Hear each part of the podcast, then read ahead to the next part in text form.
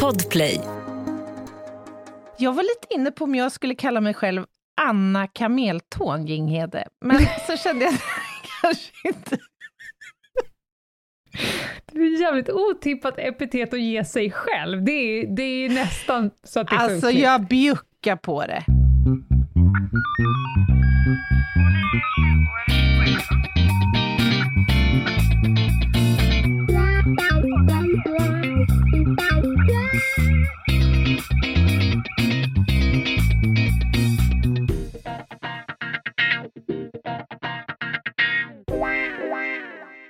Välkomna till krimpoddarnas krimpodd över min döda kropp med mig, Anna Jinghede och Lena Konferensen Ljungdahl.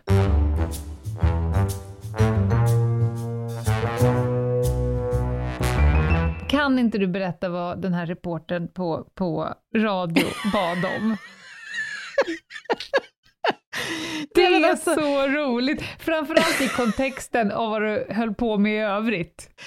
Ja, men alltså, det har varit en supersnurrig dag och vi brukar ju ofta så starta upp lite kort så där om, och utvärdera hur dagen har sett ut innan vi ska podda. Och idag har det Ja. varit supersnurrigt. Det har varit högt och lågt, Ja. spretigt så in i helvetes. Alltså, Ja. ja. Och mitt upp i det här spretet så hör en reporter av sig eh, när jag ställde upp på en intervju förra veckan. För en tidning. NR. Ja, just det, som det heter. Ja, ja. Och då fick jag ett gäng såna här kortfrågor, du vet, för en faktaruta. Just det. Bland annat så fick jag eh, frågan eh, saker som jag... Eh, det, det som får mig att skratta, och då har jag svarat farsaskämt. Mm. Och mitt uppe i den här kaoset idag så mejlar hon då och, och, och skriver så här, Hej! Du, jag fick en återkoppling från eh, redaktören med ett önskemål om att förtydliga med farsaskämt. Så har du några korta sådana som du kan dela med, dela med dig av? Alltså det är så en jävla fin bild. Anna sitter i sin kriminalteknikeruniform, mitt emellan något, liksom, någon, död, någon död människa eh, och någon FUP och, och håller på och liksom förändrar världen. Så sitter du också och skriver, Och skriver. farsaskämt som förslag. Ja, det är episkt alltså. Ah. Men eh, kanske också innan vi går in på eh, dagens tema, allt det där, att vi måste förtydliga, för jag kände att vi rusade väldigt snabbt förbi att jag gav mig själv epitetet kameltå. Jag känner att det kan vi inte lämna o... Alltså vi lämnade det och konferenslena bara osagt, vilket är väldigt sjukt. Det är inte så bjussigt, men börja du. Nej, men helt kort, så mitt epitet det återkopplar ju till livepods-turnén. Så alla Ja. som har varit på livepodd kommer fatta eh, instinktivt vad det handlar om. Och vi behöver inte fördjupa har- oss mer i det än så. Nej, de har nog ganska starka syner, syner just nu. Ja, kanske till och med synskador. och du Lena, du har varit på konferens. Jag har varit på en fantastisk konferens i regi av CVE, Centrum mot våldsbejakande extremism, i dagarna två. Och jag har fått en lägesrapport av ANSA från Säpo och jag har lyssnat på Expo och jag har lyssnat på... eh, Alltså det är så mycket smarta människor i ett och samma Mm. rum. Eh, som håller på med kanske något av vårt största samhällsproblem just nu med våldsbejakande extremism. Väldigt intressant. Jag kommer faktiskt toucha det en del i dagens eh, avsnitt som ska handla om vadå, Anna?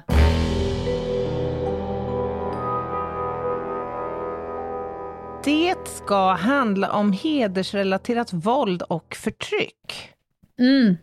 Och det är ett ämne som vi har utlovat, som, som också har efterfrågats. Eh, Ja. Och som nu kommer att få se dagens ljus. Det blir bra. Spontant, du som har gått tillbaka till snuteriet. Mm. Hur, om du skulle ge polisen ett betyg i hur bra man är att jobba mot Åh. detta, eller för? Mm. Jag vet att du tycker att det finns så att säga utvecklingspotential, men är det totalt klapp odugligt? För det var det på min tid. Jag skulle nog vilja sträcka mig eh, och säga som så att vi håller precis just nu på att uppdatera oss kunskapsmässigt kring fenomenet våld i nära relation. Eh, och när det, det gäller, nya. Det Precis. nya fenomenet. Det nya fenomenet våld i nära relation. Mm. Så att när det gäller eh, hedersrelaterat våld och förtryck och alla sidor av det fenomenet så vill jag hävda, tyvärr, att polisen, liksom många andra instanser i samhället, saknar en eh, djuplodad kunskap om detta. Ja. Här och finns en del att jobba också med. fungerande arbetsmetoder. Exakt. De brukar ju oftast komma så att säga ur kunskap. Det är ju det vanliga och också kanske det mest optimala. Mm. ja. ja jo, jo, det ska vi säga, att ibland kan det ju komma arbetsmetoder som inte är sprungna ur kunskap, och ibland blir det jättebra också, men oftast så eh, finns det ju bättre metoder. Man kan väl säga så här att många eh, samhällsinstanser, såsom polisen, har eh, metoder ursprungna ur erfarenhet och det behöver Mm. inte vara fy skam. Men Nej. Den behöver vara underbyggd av kunskap. Och, och, och det ska sägas att kunskapen totalt sett om fenomenet är inte heller jättehög. Det finns inte Nej. jättemycket forskning på det här området, så det efterlyses. Så är det någon som är sugen där ute, så bring it, säger jag. Bring it. Vad börjar vi med då? Ska du definiera vad det egentligen är vi ska prata om? Ja, låt oss börja med definitionen. Eh, och jag kan säga att det finns lite olika. Jag tänker välja en av dem, nämligen Mm. en av, formulerad av regeringen i en proposition från 2019. Mm. Håll i dig nu, Ljungdahl. Med hedersrelaterat våld och förtryck avses att människor, främst flickor och kvinnor, men även pojkar och män, begränsas i sina liv och utsätts för påtryckningar och våld som syftar till att upprätthålla familjens kontroll över individen. Hedersrelaterat våld och förtryck är kopplat till hedersnormer som bygger på starka patriark patriarkala eller heteronormativa föreställningar. De patriarkala föreställningarna tar sig uttryck i kontroll av flickor och kvinnor som sträcker sig från begränsningar i vardagen rörande klädsel, umgänge och rörelsefrihet till begränsningar i val av utbildning, arbete, äktenskap och äktenskapsskillnad. I sin mest extrema form kan hedersnormerna leda till allvarlig brottslighet, såsom till exempel hot om våld och våld, inklusive dödligt sådant. För de individer som försöker trotsa kontrollen kan följderna bli allvarliga. Jag tycker den här Mm. definitionen är väldigt bra, måste jag säga, för att den täcker in mycket. Den täcker in, men den är också tydlig. Den är inte flummig och generell. Den säger Nej. ju egentligen exakt, exakt vad det är. Och framförallt så är det ju en enorm kränkning av våra grundlagsskyddade fri och rättigheter.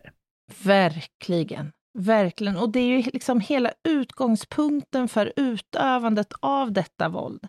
Det är Mm. ju att bevara eller återupprätta en persons heder. Mm.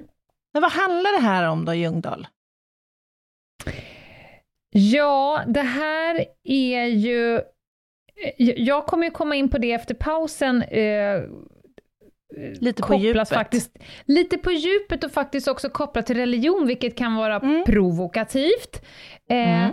Men det här är ju en typ av eh, våldsutövning av andra personer och begränsningar av dem i ett syfte att uppnå någonting annat, där egentligen individens eh, egna vilja och egna rättigheter och friheter är Mm. eh, absolut sekundära. Precis, och du nämner ju eh, religiös eh, så att säga, betydelse här, eller Mm. religionens betydelse. Och det är intressant, för att i nästan alla texter och böcker där man kan lära sig om hedersrelaterat våld och förtryck, så pratar man ju om kulturella föreställningar som då Mm. utgår från liksom familjens eller gruppens eller släktens heder. Och att den är viktigare än så att säga den enskilda personens, alltså brottsoffrets, Mm. vilja, tankar och känslor. Och i mångt och mycket så handlar det ju om idéer om kyskhet och oskuld. Och där det anses särskilt viktigt ju att flickor och eh, kvinnor uppfattas som, som kyska. Mm. Och där eh, då liksom flickors ja, men beteenden och beteendemönster som, som inte sällan är påstådda. Ju. De behöver ju inte ens så att säga, ske eller ha skett. Men Nej. de anses påverka familjens rykte och anseende. Mm. Vanära är ju ett begrepp i sammanhanget som är eh, centralt, naturligtvis. Och det finns ju en rad olika sådana här beteenden som då anses skada heden. Men mycket är ju kopplat till sexualiteten. Mm. Eh, och motsatsvis vad man kanske tror, så är det ju inte bara flickor och kvinnor som, som utsätts, utan även pojkar och män kan ju utsättas för detta.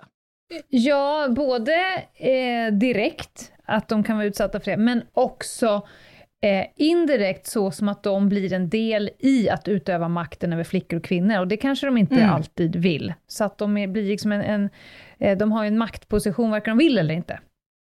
Ja, och i grunden så bygger det ju på en fundamental maktobalans mellan mm. pojkar och flickor, men där pojkar ju kan utgöra liksom en instrumentell funktion mm. i våldsutövningen. Och Exakt. precis som du säger så är ju det också att betraktas som våldsutsatthet, att tvingas utföra våldshandlingar mot sin syster till exempel. Mm. Hur omfattande är det här då? Ja, alltså liksom många andra former av inomfamiljärt, eller vad ska vi kalla det, våld som sker i, i eh, någon form av familjär relation, är ju jättesvår att få en uppfattning om eh, storleken av. Man kan tänka sig att det finns ett visst mörkertal här. Ja, men det gör det ju. Mm. Eh, men jag har gått till litteraturen.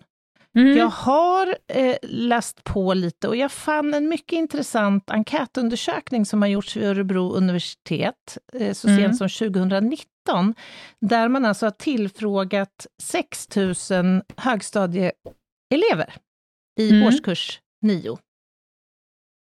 Och eh, de konstaterar att dels så skiljer sig utsattheten lite grann eh, mellan eh, olika städer, alltså geografiskt. Det kan ju också handla om benägenheten att svara ärligt på frågor, såklart. Eh, men mellan 7 och 9 procent av de tillfrågade ungdomarna lever med hedersnormer relaterade till våld. Och mellan 10 och 20 procent lever med hedersnormer relaterade till oskuld. Det är en fruktansvärt hög siffra, spontan Verkligen. tanke. Verkligen. Mm.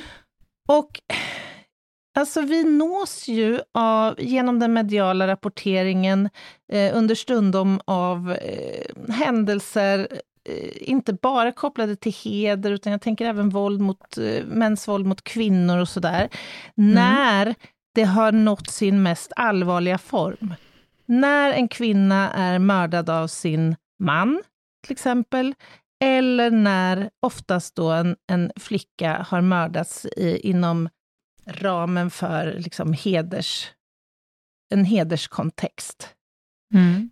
Eh, och jag vet inte, jag, jag slås av att Alltså det här med balkongflickor till exempel, det omnämns, det är ett begrepp som inte är särskilt kanske, eh, vad ska man säga? Jag gillar inte begreppet. Nej, jag tänkte ju säga det. Det är problematiskt. Det är, ja, det är att marginalisera problemet. Verkligen. Och det grövsta. Verkligen. Ja. Men att, vi förstod vad du menade. Det finns en övertygelse om att det som i media omnämns som balkongfall och balkongflickor faktiskt är framtvingade självmord, eller rent ut sagt mord. Mm. Någon som man eh, puttar dem över kanten eller kastar dem över kanten. Mm. Exakt, och det här är ju en företeelse som faktiskt media rapporterar om eh, titt som tätt, men där vi väldigt sällan når framgång rent rättsligt att kunna påvisa att detta är, är eh, en fråga om dödligt våld, helt enkelt. Det måste ju vara supersvåra kriminaltekniska, eh, eller det måste vara så, så, utmanande att kunna påvisa ett händelseförlopp som egentligen är att en person faller över ett balkongräcke. Ja, men utmaningen ligger i att den första patrullen, sjukvården, och så vidare. Ja. De som kommer till platsen måste lära sig att se bortom det mest självklara. Ja. Att våga fundera i termerna, kan det här vara fråga om ett arrangerat självmord eller ett arrangerat olycksfall? För det är där utmaningen ligger kriminaltekniskt. Vi kommer Mm. inte åt platsen för en lång tid senare i Nej. bästa fall. Och då har vi ju förlorat mycket av bevisningen. Mm. Så det är inte bara svensk polis som behöver en kunskapshöjning i ämnet? Nej, jag skulle vilja säga att det är alla samhällsinstanser som, som dels kommer i kontakt med barn och ungdomar som Mm. lever i miljöer och familjesystem där heder spelar en, en central och viktig roll, så att vi också kan nå ut till dessa människor tidigt och förebygga det här allra grövsta våldet. Mm. Ska vi prata bara helt kort om hur hedersvåld skiljer sig från mäns våld mot kvinnor? Mm. För att jag tror att det kanske finns en liten begreppsförvirring. Alltså en fundamental skillnad är ju att hedersvåld ofta begås och sker eh, kollektivt. Det är ju sällan fråga om en ensam förövare och en enda person som har planerat och iscensatt våldsgärningen, så att säga. Nej. Det kan ju vara fråga om inte bara en familj, utan ibland en hel släkt. Och inte bara delar av en släkt som befinner sig i Sverige, utan det här kan ju spänna över länder och landsgränser. Ja, och nu pratar du ju dessutom om när det har kommit till våldet, men redan på stadiet hot, hot om Ja. våld, förtryck. Även där vill jag bara säga, där är ju liksom kollektivet, det är ju gruppens påtryckningar. De, de kan ju nästan vara knäpptysta. Eh, de här socialt överförda levnadsmönstren och normerna insippras i systemet. Mm. Eh, väldigt sällan en person. Mm. Nej, men Mm. exakt. Och således så behöver det ju då inte vara fråga om en pojkvän eller en före detta pojkvän eller en partner eller en make eller så, utan mer ofta ju syskon, eh, fäder, eh, kusiner, andra typer av släktingar och det kan även vara kvinnor som är delaktiga i Absolut. eh, planeringen och genomförandet av de här handlingarna. Och en utmaning här är ju att det kan vara, vi har ju nämnt det lite grann, men det kan vara extremt utmanande att skilja på offer och förövare och det särskiljer ju det här brottsfenomenet lite från, från andra. Eh, och det handlar ju om att de som medverkar eh, till förtryck och eh, våldshandlingar kan ju själva vara utsatta för våld. Mm. Till exempel mödrar eller unga pojkar, syskon till exempel. Mm. Tänk vilket en, vilken enormt svår livssituation att befinna sig i. Att tvingas Ja. utöva kontroll mot ett syskon, att tvingas kanske mörda sitt syskon Mm. för att upprätthålla hedern. Mm.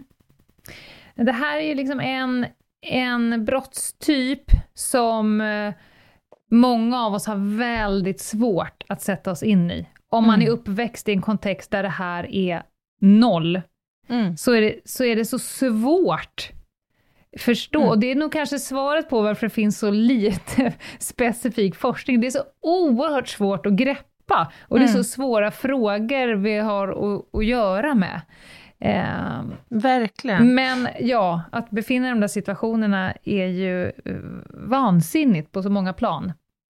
Alltså jag sitter här och funderar. Jag befinner mig ju i ett stadie i min eh, doktorsavhandling där jag behöver eh, formulera om mina delstudier lite grann.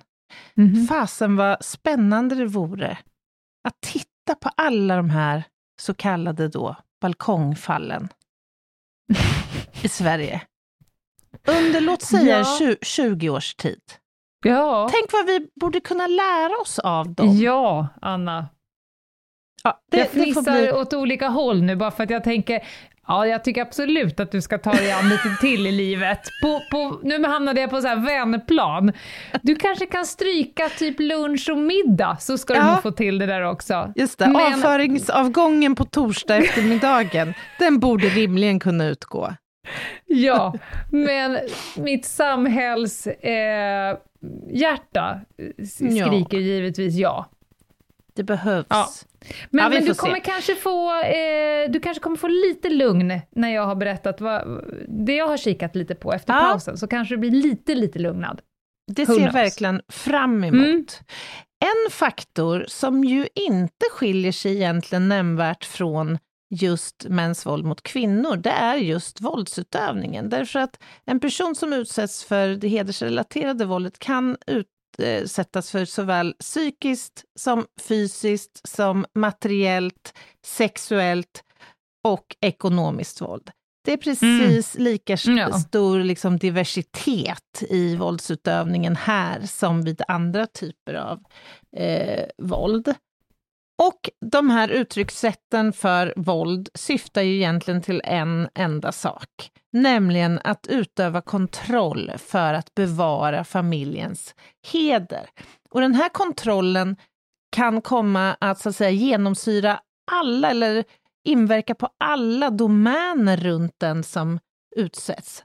Det kan handla om allt ifrån att eh, en flicka har strikta regler kring vem man umgås med, vad man får göra efter skolan, hur man får använda en mobiltelefon, när man ska vara hemma, allt det där, till rent fysisk kontroll. I de grövsta fallen så kan det handla om att vara begränsad i sin fysiska rörelsefrihet till sitt rum. Det finns exempel på låsbart rum, alltså där man låser flickrummet från utsidan för att försäkra Men sig alltså- om... Ja.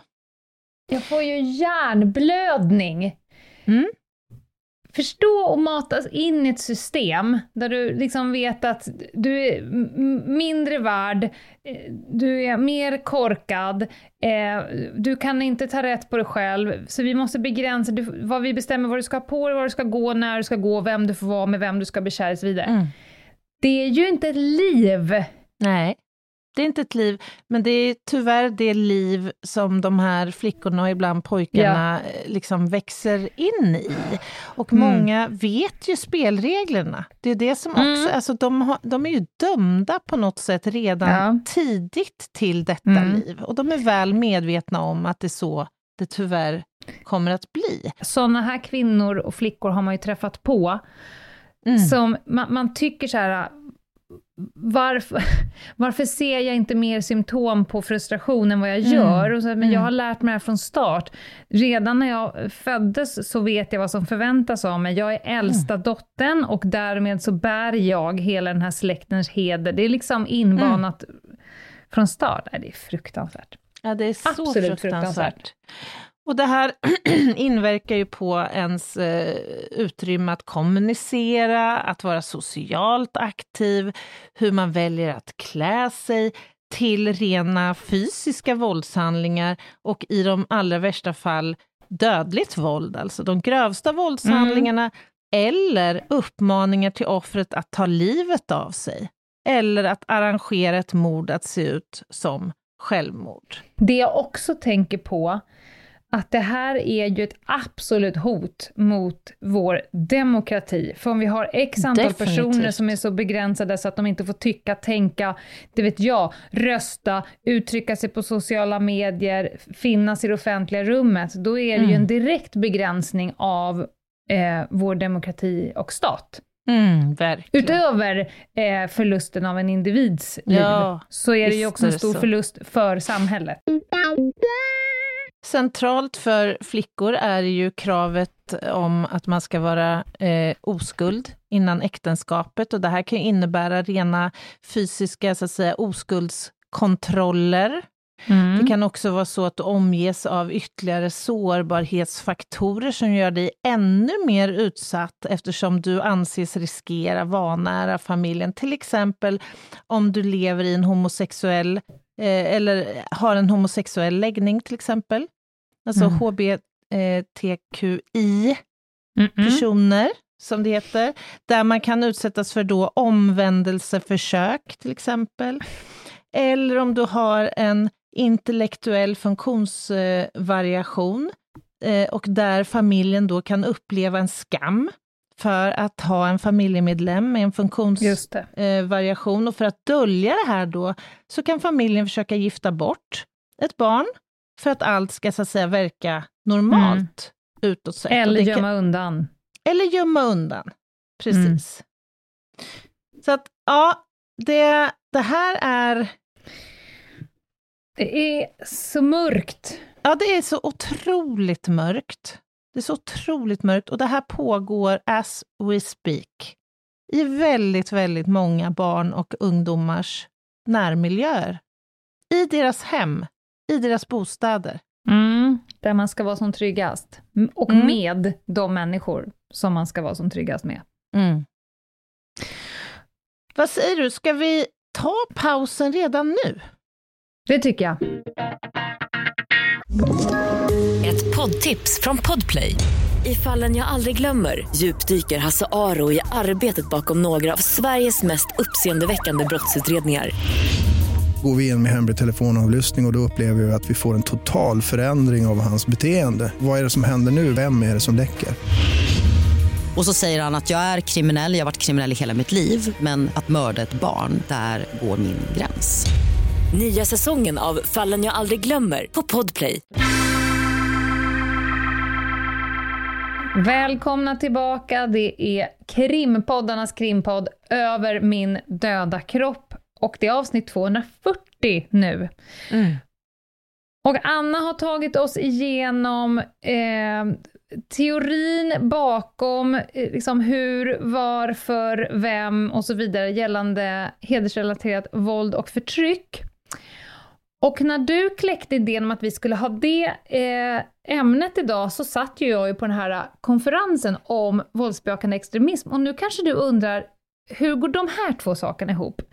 Och det mm. ska jag säga dig, för att jag sitter och håller i en tämligen ny rapport, och jag fick lite mer smak. Mm. Våra poddlyssnare visar sig ju vara så att säga öppna, 10 cm öppna för att få olika typer av torra rapporter nedkörda i halsen. det är ju anmärkningsvärt alltså. ja, men också skänker en viss hopp, för då har vi ju säkrat en 560 000 avsnitt till. För det ja. finns rapporter, det må jag säga. Och jag har lite av en förbläss för att läsa dem också. Ja. Och nu har du en rykande färsk i din hand alltså? Ja, den är som inte berör riktigt detta rykande. tema. Mm. Ja, det är alltså Totalförsvarets forskningsinstitut, FOI, som har fått ett uppdrag av Centrum mot våldsbejakande extremism, och som då ligger under myndighetsbrå.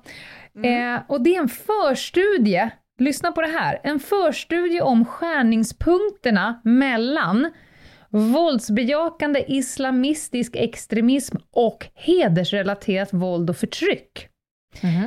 Och den här norpar jag ju till mig på någon mm. fikapaus och tänkte, vad i hela friden? Eh, och kopplat till då att vi skulle ta det här avsnittet. Så att jag tänker ge mig på att ja, men sammanfatta, för jag tyckte själv att det var väldigt intressant, eftersom jag jobbar väldigt mycket mot våldsbejakande extremism. Men här stickar man in ordet våldsbejakande islamistisk extremism. Det finns ju andra typer av extremism. Det finns mm. ju till exempel högern. Eh, extremhögern kanske kallar det då. Men den här, det här är en förstudie mm. med två huvudsakliga målsättningar. Ett, mot bakgrund av befintlig forskning formulera vad som kan sägas om då den här skärningspunkten mellan våldsbejakande islamistisk extremism och det hedersrelaterade våld och förtrycket. Alltså helt enkelt gå igenom all jädra forskning som finns och se mm. vad man kan hitta för, för kontakter här emellan. Och sen också bedöma och inrikta behovet av ny och ytterligare forskning på området. Det var därför mm. jag fnissade när du sa att jag kanske ska ta och titta lite grann på det här. Eh, och båda de här företeelserna omfattar ju ett antal brottsrubricerade handlingar, eh, som är både en direkt fara och skada för enskilda individer, men som jag också sa, slår mot hela svenska rättsstatens principer och de demokratiska fri och rättigheterna. Mm. Det gör ju både om jag nu säger VBE, jag orkar inte säga våldsbejakande extremism eh, hela tiden, VBE och hedersrelaterat eh, våld och förtryck. Och då ska jag börja med att försöka svara varför just den islamistiska extremismen, vad är, den, mm. vad är det som gör att den är ihopkladdad med det hedersrelaterade våld och förtryck? Mm. Jo, för då har de gått igenom massa myndighetsrapporter och eh, då menar man då på att salafism jag vet inte hur mycket våra poddlyssnare kan om det, men det är ju en gren inom islam. Man vill väl rekonstruera islam och eh, eh, den ska, så som den uppfattades och levdes av de första muslimerna. Mm, mm. Kan man förenkla Ja, det så pass mycket? absolut. Ja, jag, jag gjorde precis det. Eh, och att då salafism legitimerar hedersrelaterat våld och förtryck och att salafismens religiösa uttryck ofta förstärker en hederskultur, associerade begränsningar av mänskliga fri och rättigheter, samt att hederskulturen med religiösa inslag tar sig uttryck genom, och nu kommer vi komma, eller känna igen oss från det Annan sagt, begränsningar av kvinnors och flickors rörelsefrihet från klädsel, umgänge, aktiviteter och livs livspartner. Eh, och därför, och då är det väldigt, jag vill vara noga med att säga, nu pratar vi om den våldsbejakande islamistiska extremismen. Mm. Får jag bara Eh, fråga en sak, Lena, innan du går vidare? Har utgångspunkten för rapporten varit att undersöka just islam och eh, liksom den religionens koppling till hedersrelaterat våld Ja. och förtryck? Okej, Ja. Så det här innebär inte att man kan utesluta att andra religioner också Nej. har sådana förtecken? Nej? Och, och man kan inte heller utesluta att det eh, finns helt icke-religiös eh, extremism Precis. som också har en skärningspunkt, så det kommer det. också. Mm. Men då ställer man lite intressanta frågor i början. Hur skiljer sig begränsningar av fria eh, fri och rättigheter inom hederskultur med religiösa inslag och hederskultur utan religiösa inslag? Hur skiljer sig det? Så ställer man frågan, eh, hur ser skärningspunkten ut i konkreta sociala sammanhang? Vad innebär det här för offret? Vad innebär det för eh, myndigheterna? Och vad innebär det för samhället i stort? Och vad tillåter forskningen oss idag att säga om konkreta yttringar och effekter av den här skärningspunkten mellan den våldsbejakande islamistiska extremismen och det hedersrelaterade våld och förtrycket? Och då börjar ju boken eh, väldigt eh, gott och, och definiera vad de menar med de här olika sakerna. Så att, för det behöver man ju göra när man gör studier. Vad, vad pratar vi om? För det kan gärna bli misstolkningar om man läser en rapport och eh, lägger in sina egna eh, tankar och så, vad man menar med olika ord. Så kan man ju gå vilse, det vet ju du som forskare själv. Och då börjar man så här, vad är våldsbejakande extremism? Och det här, kära lyssnare, ska vara ett helt eget avsnitt om sen. Men då pratar man om individer, grupper och organisationer som hålls samman av en ideologi som betraktas som våldsbejakande genom att man förespråkar, främjar, utövar våld, hot, tvång eller annan eh, allvarlig brottslighet för att uppnå förändringar i samhällsordningen, påverka beslutsfattande, påverka myndighetsutövning eller hindra enskilda individer från att utöva sina grundlagsbefästa fri och rättigheter. Det är definitionen av våldsbejakande extremism i den här studien. Sen går man in på islamism. Vad är då islamism? Politiska perspektiv och ideologier där islam betraktas som en övergripande samhällsordning med regler och föreskrifter för hur samhällen och styrelseskick bör konstrueras. Och här är de jättenoga med att säga, vi ska ha åtanke att det är den delen av den islamistiska rörelsen som är våldsam, som är föremål för den här studien. Så att man som rättfärdigar våldsamma handlingar. Det finns ju rätt mycket islamism som inte är våldsbejakande. Just det. Och sen kommer vi in på det hedersrelaterade våld och förtrycket och där la ju du då regeringens briljanta eh, definition. Och här, de tog med även den i studien, men sen så har man då inför studien ringat ner den lite och sagt att en form av våld och tvång som syftar till att begränsa individers fri och rättigheter, i synnerhet flickor och kvinnors sexuella friheter, med hänsyn till de kollektiva föreställningar om familjen eller den bredare socialens grupp, gruppens heder och anseende. Där startar den här studien och sen så går man då in och tittar på heder. Och det här sa ju du eh, tidigt att det är svårt med definitioner, det är svårt, eh, det finns inte så himla mycket eh, spetsad forskning på området. Eh, och det, jag gissar att det är kanske därför man har gjort en förstudie, för att egentligen landa i vad är det vi behöver forska på. Eh, Men regeringens utredare har konstaterat att Problemets omfattning är svårbedömt, men av allt tillgängligt material som idag fram, äh, finns framgår att hedersrelaterat förtryck är ett stort problem internationellt även, och att Sverige inte är förskonat. Men det råder oenighet det här tyckte jag var intressant. Det råder oenighet om det ens är möjligt att särskilja det hedersrelaterade våld och förtryck eh, från annat våld och förtryck mot mm. kvinnor. Mm.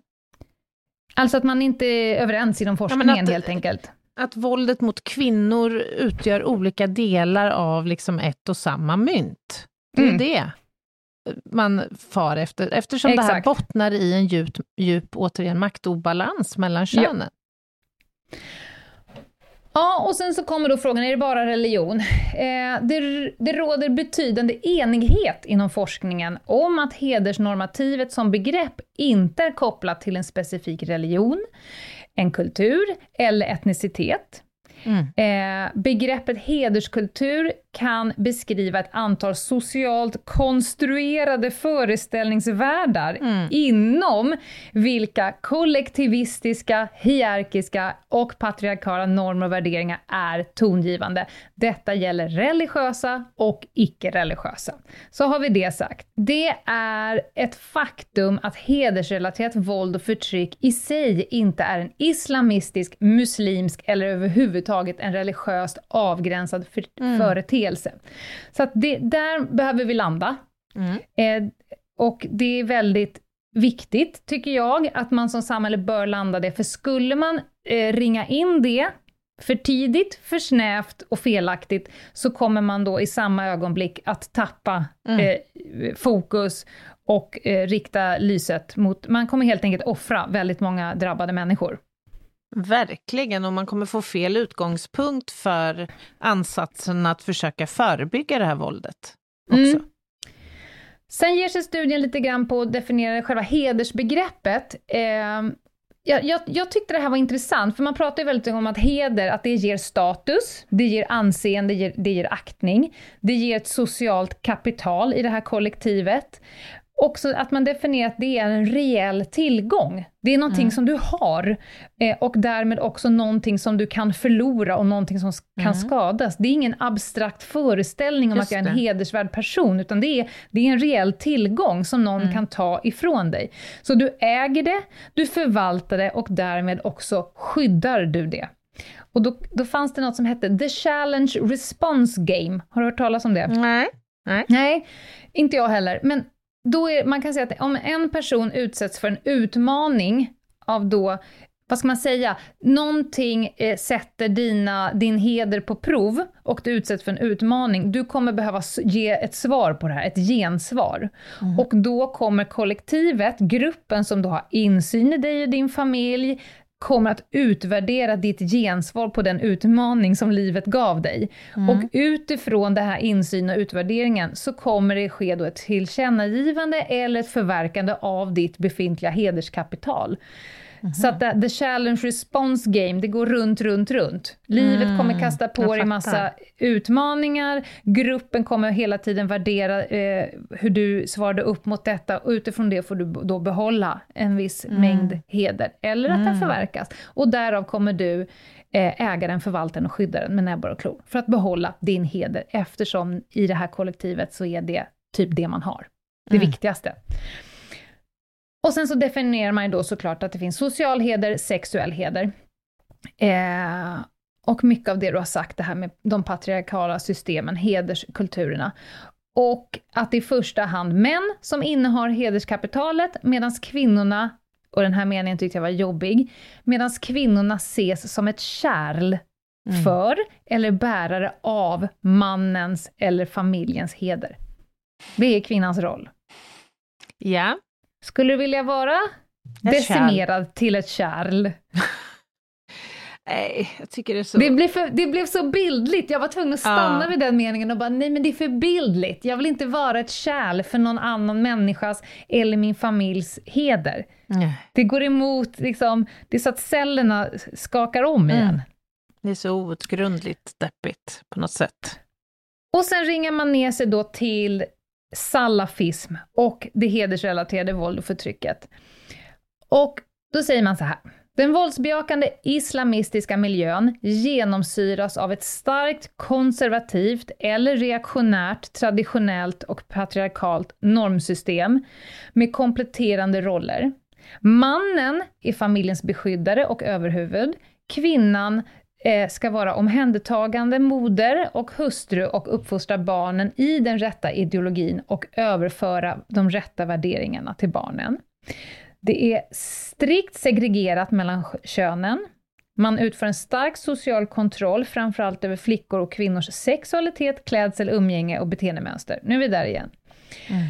Kvinnan har ett ansvar att försvara heden, samtidigt som hon inte själv anses vara kapabel att värna om sin kyskhet. Mm. Så hennes sexualitet upphör därför att vara hennes egen och är därför en angelägenhet och skall hållas under övervakning. Då pratar vi våldsbejakande islamistisk extremism. Icke att blanda ihop med islam och muslimer. Jag vill mm. bara säga det mm. igen, mm. så att inte någon där ute nu lyssnar med fel öra. Mm. Och så bollar man det här fram och tillbaka. Nu har jag ju tagit liksom 100 sidor på eh, så, men nu kommer slutsatserna. Mm. Det första är, det finns väldigt eh, lite riktad forskning. Det finns forskare som forskar på det ena området. Det finns forskare som forskar på det andra området, alltså vi har VBE på ena sidan, heder på andra sidan. Man använder olika metoder, olika syften, men det finns eh, väldigt lite forskning på hur det ena påverkar det andra. Mm. Eh, och avsaknaden av specificiteten här, och, om orsakerna till det hedersrelaterade våld och förtrycket, kan vara en guldgruva för de som vill lägga ansvaret på en viss grupp, en viss mm. ekonomisk, kulturell, religiös grupp eller faktor. I och med att det finns ingenting som säger emot, så är liksom avsaknaden eh, mm. ur det tomma hålet så kan man ju då gräva, eh, man blir inte motsagd helt enkelt. Just det. Och som du och jag sa förut, att eh, om forskningen och samhället gör felaktiga antaganden eh, om vilka faktorer som stöder eller motverkar det här hedersrelaterade våldet, kan ju det ha långtgående sociala, politiska, samhälleliga, mm. individuella eh, konsekvenser. Och man landar i att forskningen och samhället behöver en mer finkornig förståelse för hur den våldsbejakande islamistiska extremismen och det hedersrelaterade våldet och förtrycket korrelerar med varandra mm. och andra faktorer och hur de eh, påverkar saker i sin omedelbara om, omgivning. Och då har de kommit fram till ett helt gäng med eh, frågeställningar där man önskar fortsatt forskning och det blir väl en steg två av den här förstudien. Mm. Mm. Jag drar några bara. Eh, hur och till vilken grad utgör social acceptans av hedersrelaterat våld och förtryck en faktor som gynnar förekomsten av våldsbejakande islamistisk extremism? Hur och till vilken grad utgör förekomsterna av våldsbejakande islamistisk extremism en faktor som gynnar det andra? Man kollar mm. liksom, kommer det ena göda det ja. andra? Går det båda vägar eller är den ena värre för den andra eller mm. tvärtom?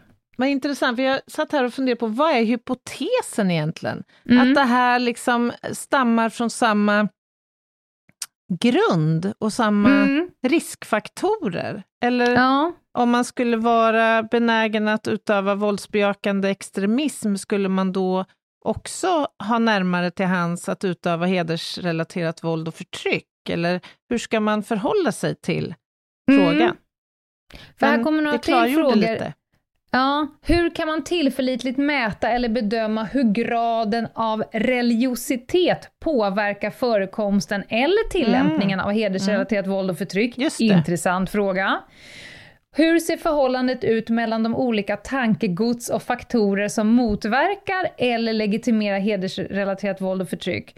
Och så kommer sista, kan åtgärder mot hedersrelaterat våld och förtryck också motverka mm. våldsbejakande extremism, eller tvärtom? Och det var ju mm. den frågan du Mm. fiskade lite efter. Så jag tyckte det här var en skitintressant bok. Jag har själv gått in och tittat nu, som ni som vill läsa hela, den ligger på Totalförsvarets forskningsinstitut.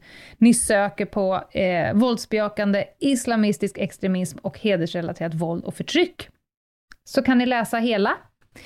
Jätteintressant skulle jag säga. Jobbar du i skola, jobbar du socialtjänsten, polisen, kriminalvården, alltså håller du på med någon av de här samhällsvården, för guds skull, så, och, och så skulle jag också vilja ge tips om att det är alltså från sidan 60 till den tjockjävla... Från sidan, det är 15 sidor källor. Varenda forskningsrapport på det här ämnet skulle jag säga finns med här.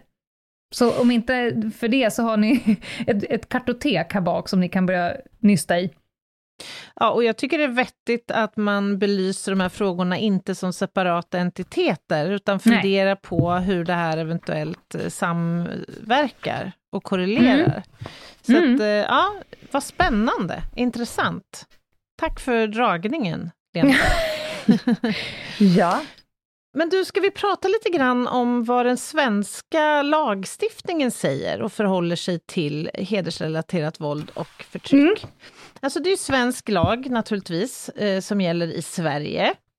Och eh, egentligen så, förenklat sagt, så kan ju alla brott vara hedersrelaterade. Det är egentligen motivet som, som avgör. Ja. Eh, ja.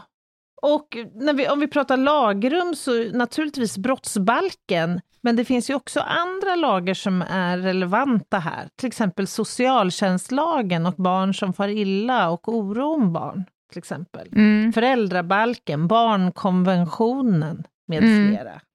Däremot så har vi sedan den 1 juli 2020 ju en särskild Hurra! En Mm. särskild straffskärpningsgrund för brott med hedersmotiv. Och eh, då formulerar man det som följer. Som försvårande omständigheter vid bedömningen av straffvärdet ska, vid sidan av vad som gäller för varje särskild brottstyp, särskilt beaktas om ett motiv för brottet varit att bevara eller återupprätta en persons eller en familjs, släkts eller en annan liknande grupps heder.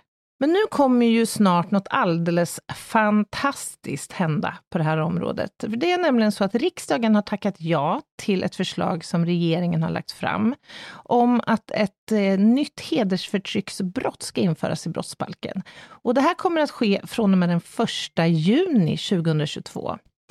Eh, och det här nya brottet då, det liknar fridskränkningsbrotten och innebär en strängare straffskala för den som med hedersmotiv upprepat begår vissa brottsliga gärningar mot en person och där gärningarna utgjort ett led i en upprepad kränkning av personens integritet och varit ägnade att allvarligt skada personens självkänsla.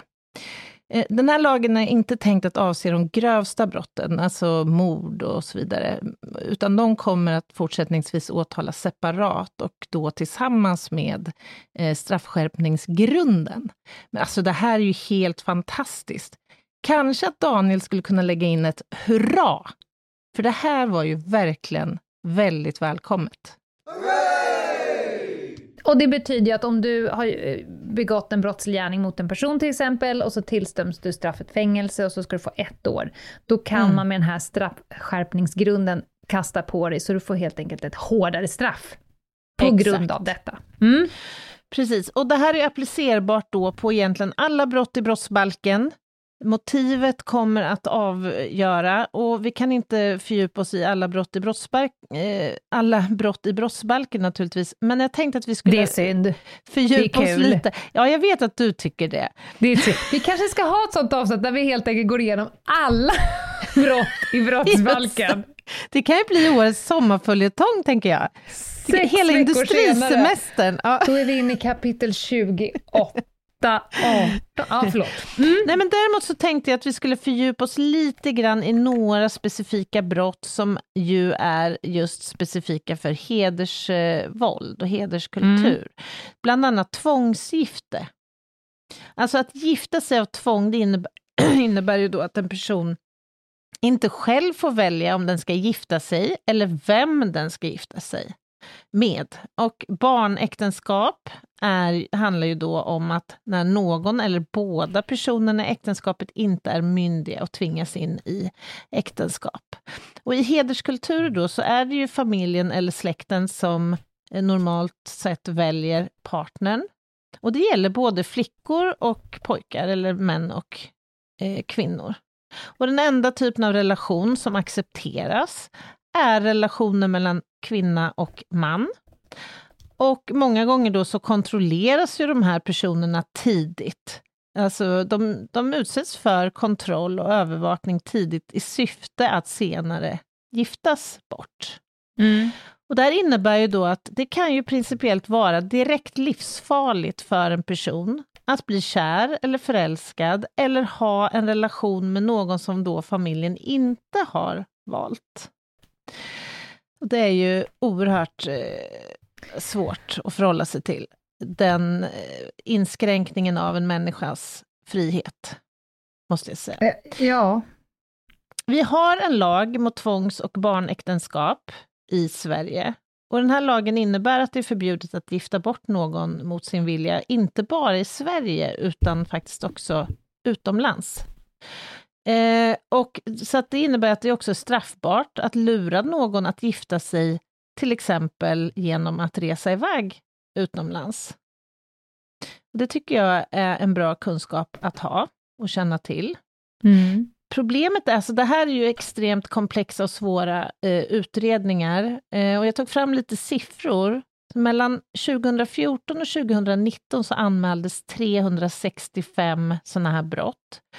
Men endast sju av de här ledde till åtal och resultatet blev fem fällande domar.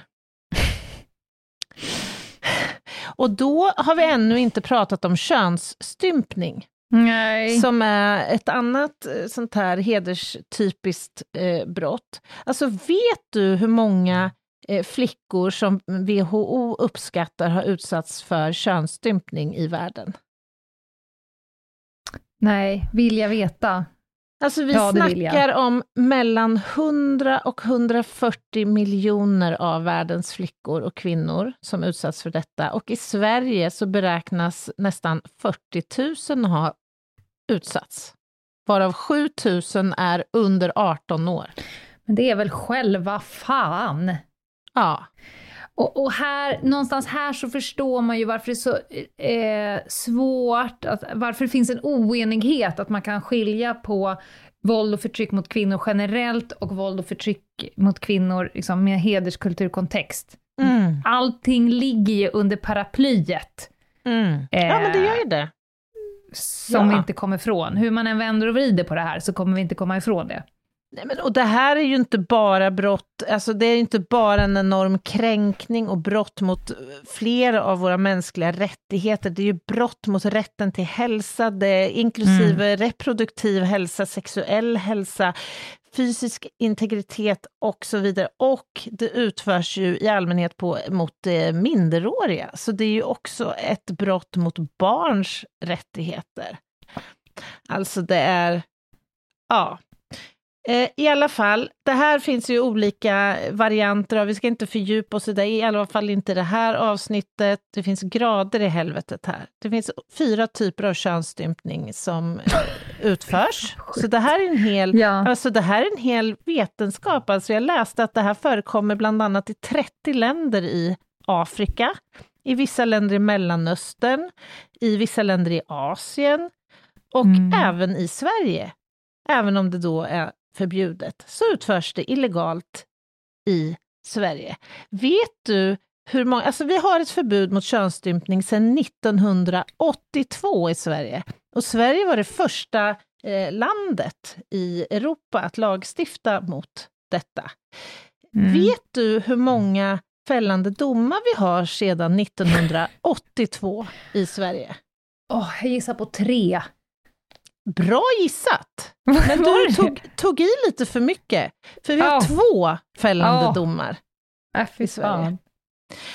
Ja, alltså det är dags att eh, runda av och det här är ett tema som vi skulle kunna prata om i en del två känner jag. Ja, stopp. Och jag har ett förslag där. För Ja. medan vi har suttit och pratat här så kom jag ju på en gammal kollega till mig. Vi, vi jobbade på RIV-kommissionen ihop för 15 500 år sedan. Oj! Jag vet att hon gick till Noa och jag vet att hon höll på så här. Så att jag eh, zoomade ut i några sekunder medan jag googlade. Och nu hittar jag ju henne här. Eh, och hon sitter ju med och de kämpar ju och sliter för att det ska komma ett särskilt hedersbrott. Eh, och hon då är kommissarie och processledare inom polisen i deras arbete mot hedersrelaterat våld. Och det pågår liksom en utredning. Så att det, kanske att man skulle ta sig ett snack med Jenny i, man i avdelning i rond två. Why not? Bra idé. Mm. Jag tycker ändå att eh, det passar bra att lämna några avslutande tips och råd. Om det är så att man misstänker att någon i sin omgivning utsätts för hedersrelaterat våld och förtryck. Vad säger du om det? Eller man gör det själv. Eller man gör det själv. För det första, att vara uppmärksam på signaler, och där har vi pratat om i andra avsnitt när vi har pratat om Mm. våld mot barn och våld mot eh, kvinnor och gamla och allt vad det nu är. Men just i det här fallet så kan det vara så att man till exempel är verksam i skolans värld, att man då faktiskt är uppmärksam på om ett barn till exempel inte dyker upp i klassen efter sommarlovet, inte eh, kommer tillbaka efter sjukdom eller ledighet, om man ser tecken på att en eh, ungdom begränsas i livet eller uppvisar tecken på överhuvudtaget att inte må bra. Då måste man Mm. alltid ha med sig våld som en möjlig orsak till att ett barn inte mår bra. Och inte minst om ett barn eller en eh, ungdom berättar att hon eller han tvingas till exempel att gifta sig eller eh, tvingas att göra saker mot sin vilja eller inte har den frihet som ett barn eller en ungdom förväntas ha. Det kan vara fråga om tecken på våld, fysiska tecken på våld till exempel. Alltså det här är i sig ett avsnitt som skulle kunna göras väldigt långt, känner jag. Men jag tror Mm. att ni förstår poängen. Och framför allt att man vågar fråga. Och vad ska man säga då? Ja, varför inte ställa frågan Finns det regler hemma hos dig som säger vad du får respektive inte får göra? Finns det, finns det saker du skulle vilja göra som du inte får? Och vad händer om du bryter mot de här reglerna? Att försöka närma sig Mm. problemet genom att våga ställa frågan. Det kan faktiskt rädda liv. Eller hur? Alltså, Och- jättebra. Mm. Och det finns stödverksamheter, bland annat så finns det en nationell eh, stödtelefon hos eh, det nationella kompetensteamet mot hedersrelaterat våld och förtryck. Och även brottsofferjourerna är mottagliga för telefonsamtal och sådär. Så att ta reda på var du kan vända dig i, i din kommun eller i din stad där du är verksam och gör det bara. Så, Bra, Anna. nu är jag nöjd med att få ha sagt det. Bra. Jättebra. Men nu Lena, låt oss eh, vända blad och, eh, som det heter, det här är Ja. ett oerhört tungt ju ämne tycker jag. Ja. Och jag blir väldigt påverkad och berörd av det, för att jag inser att vi som, sam, om jag nu pratar som representant för en samhällsviktig verksamhet, har så otroligt mycket att lära och så otroligt mycket vi behöver göra. Mm. Ja, och då tänker du att du ska behöva få flabba lite på slutet kanske? Jag tycker det skulle vara tacknämligt. Jag har ju en rövhatt och jag känner nu kanske att ilskan mot ett visst fenomen kanske bleknar lite. När jag så Ja. tänker vad man... Men jag, jag kommer att öppna på den lådan ändå.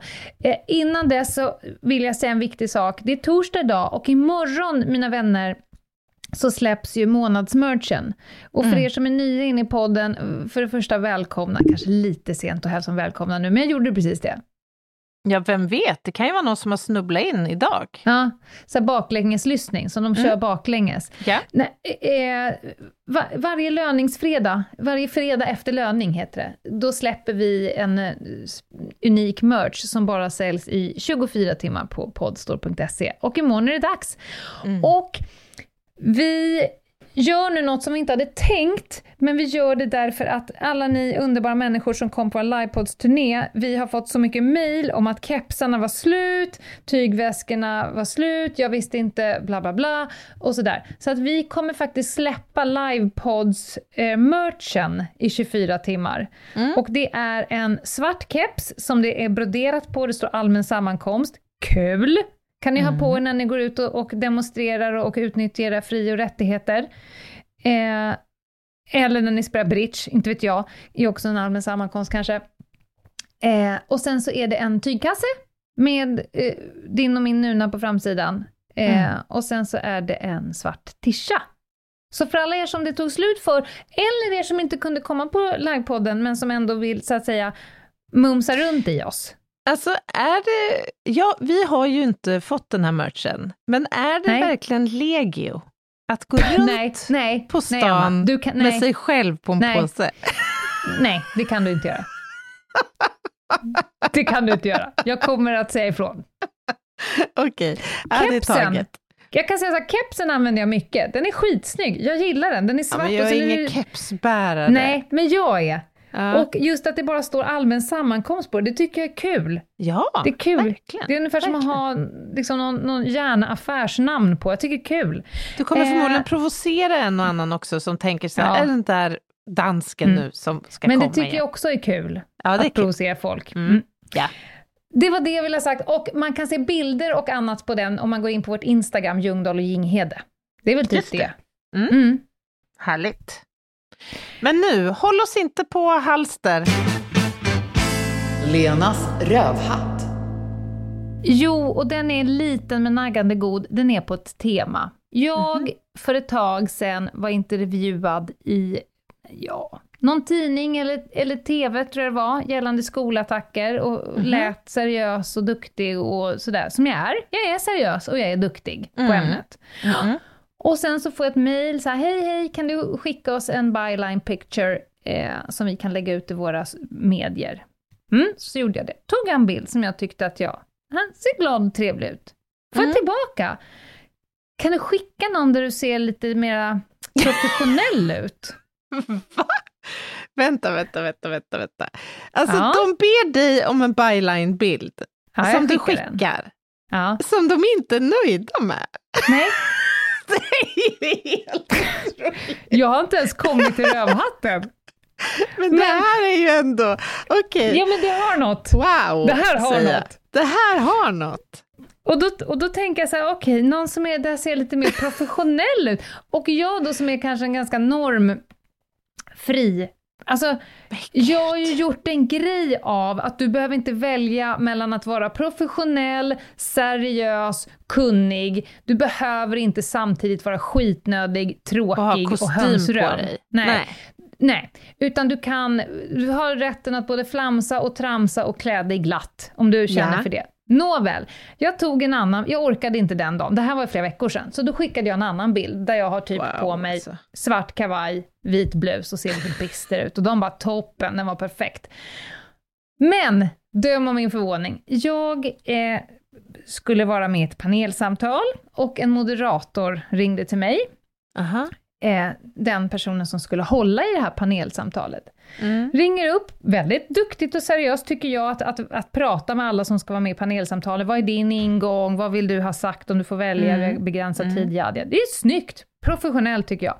Men den här personen börjar med att säga så här, "Ja, jag vill bara kolla om jag har kommit rätt, för att jag har fått reda på att jag ska prata med en seni- senior rådgivare, en, Mm. en person som är liksom eh, skolsäkerhetsspecialist.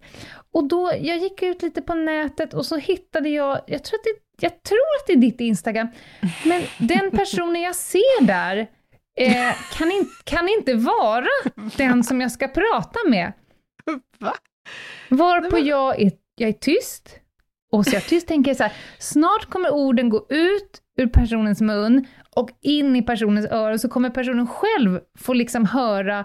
Men till slut så är jag tvungen att säga någonting, så sa jag så här, hur ser en skolsäkerhetsspecialist ut? Ja, det är en bra fråga. Bara, jag är jättenyfiken. Alltså hur, hur ser en sån person ut? Och framförallt, hur ser en person, sån person ut på Instagram? Men alltså händer det här? Alltså vi snackar nu modern tid, 2022 alltså. Vi pratar i ägde det här samtalet jag stod, rum. Jag stod på ett torg i Umeå när vi var där på livepodd och tog Men var det det här en samtalet. T-rex som ringde dig? Nej men alltså, Och jag blir så fascinerad, då tänker man tillbaka, ja vad har jag på mitt Instagram? Det är lite, Doris är med och vi har säkert lagt ut några så roliga, eller så sköna, du vet applådbilder från livepodden. Ja, Men, men det finns ju också massor där, det är när jag är med i P4, P3, när jag besöker kommun A, kommun B, kommun C.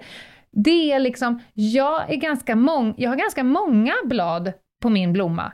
Min palett är ganska full av färger Mm. och jag, en av mina uspar är att jag inte begränsar mig. Men det må vara hänt att en person tänker, nej men dra på Trisse och Kerstin, titta på den här personen, hon kan tydligen kunna någonting. Ja. Det, det må vara hänt. Men att personen säger till mig, Ja, men den här personen var ju bara helt filterlös och direkt bara avslöjade sin oduglighet. ja, Alltså man får ju låtsas då i så fall. Exakt. Exakt, då får man ju ta några, då, då får man ta några kontrollfrågor så att polletten till slut ramlar ner. Nej men så att jag njöt av det här samtalet, men återigen, och, och, och nu pratar jag om människor, inte som ligger under en sten, utan jag pratar om välfungerande, men också kul, måste jag säga, på den här konferensen, 98,4 procent av alla personer eh, eh, som föreläste eller pratade hade mörkblå kavaj, ja. eller, eller svart kavaj, ja, Mörka chinos eller mörka jeans. just det. Eh, en ljusblå eller vit skjorta. Ja. Vit, kaukasisk och skägg. Men alltså det här är så, så intressant. Jag glider upp i stort lockat hår, en rödrutig Ah. kostym. Älskar det. Men, men, jag måste bara säga det här. Med den deppiga vetskapen om att en klick av, den här, av rummet, några procent i rummet, är som de personerna som mejlade Mm, mig, har mm, en annan mm. bild. Så att jag vet ju, det som det kostar för mig, att jag vet att en klick här i publiken kommer inte riktigt höra på vad jag säger, utan de, deras hjärna kommer behöva, de behöver Ja. sätta på en def. Jag tror att du har fel där, Ljungdahl. Ja, men några sekunder, för, och då ska du tänka att, att man har liksom några sekunder här och var i etern. Mm. Så, eller så kommer man förstå, nej men dra åt helvete vad hon kan. Och sen kanske man vinner dem ännu mer, men det tar lite för lång tid. Det finns en barriär. Men vad fan, det är, så blir de bläddra i du vet, sina papper. Står det senior rådgivare? Ja men vad fan. Och röd kavaj! Fast det Tick! finns ju något jävligt njutbart i det där också. Ja men du tillhör inte den procenten Anna. Nej, men medan du står där och briljerar så kan du ju bara liksom göra det i visshet om att fy fan vad några sitter och tragglar där och liksom Ja, ja, kämpar nu. nej, men jag njuter. Jag Ja. njuter. Men det, det, det ska sägas att det det kostar ja, jag är att jag vet menar. att ett par procent i församlingen inte riktigt tror på mina ord, inte Mm. riktigt hör vad jag säger, förrän jag redan har gått av scenen och Mm. de har eh, gått, så att säga, min kunskap och, och miste. Ja, Det är inte menar. min loss. Nej, Men, men det är ändå människor som vad fascinerande alltså. Och alla, alla mejlar ju inte och säger ber om en ny bild eller ringer och blottar sitt, sitt dummaste. De, jag skulle gissa att det är fler än dem som har tänkt tanken men som faktiskt bara såhär, ja, jo men då är det väl så då. Det kunde jag inte se komma. Det är fräscht Fast- tycker jag. Fast det är ju lite av din USP också. Och det är ju Att jag skiter i vilket. Ja, att du skiter Ja. i vilket och Ja. att du överraskar. Alltså det, det Ja. gör du ju. Det Men det gillar man ju. Jag är ju mycket mer förväntad. Alltså jag ska på konferensen nästa vecka. Jag kommer packa ner alla mina marinblåa blazers och eh, Ja. byxor men med varför? pressveck och Det skor med tycker det italienskt... snyggt. Jag tycker att det passar sig på konferens. Ja.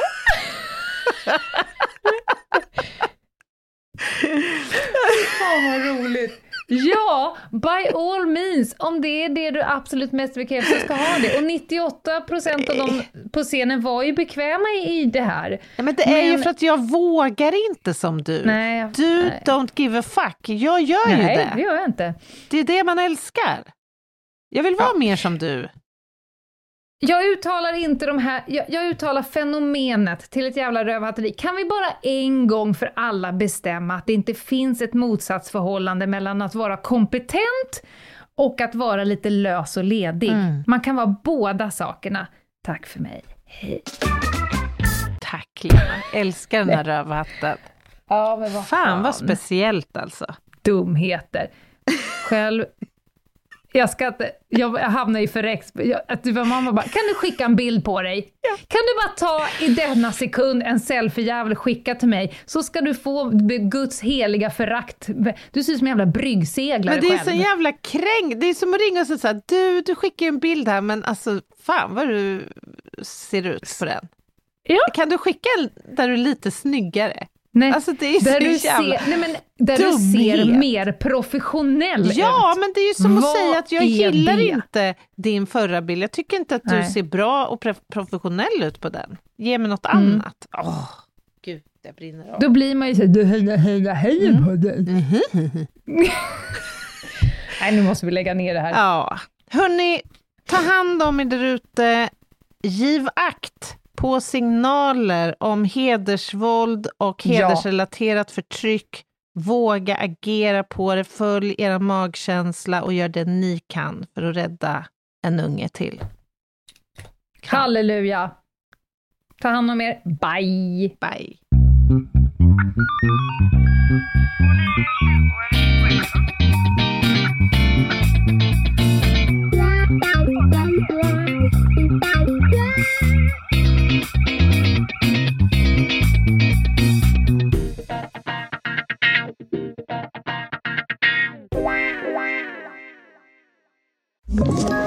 Ett poddtips från Podplay.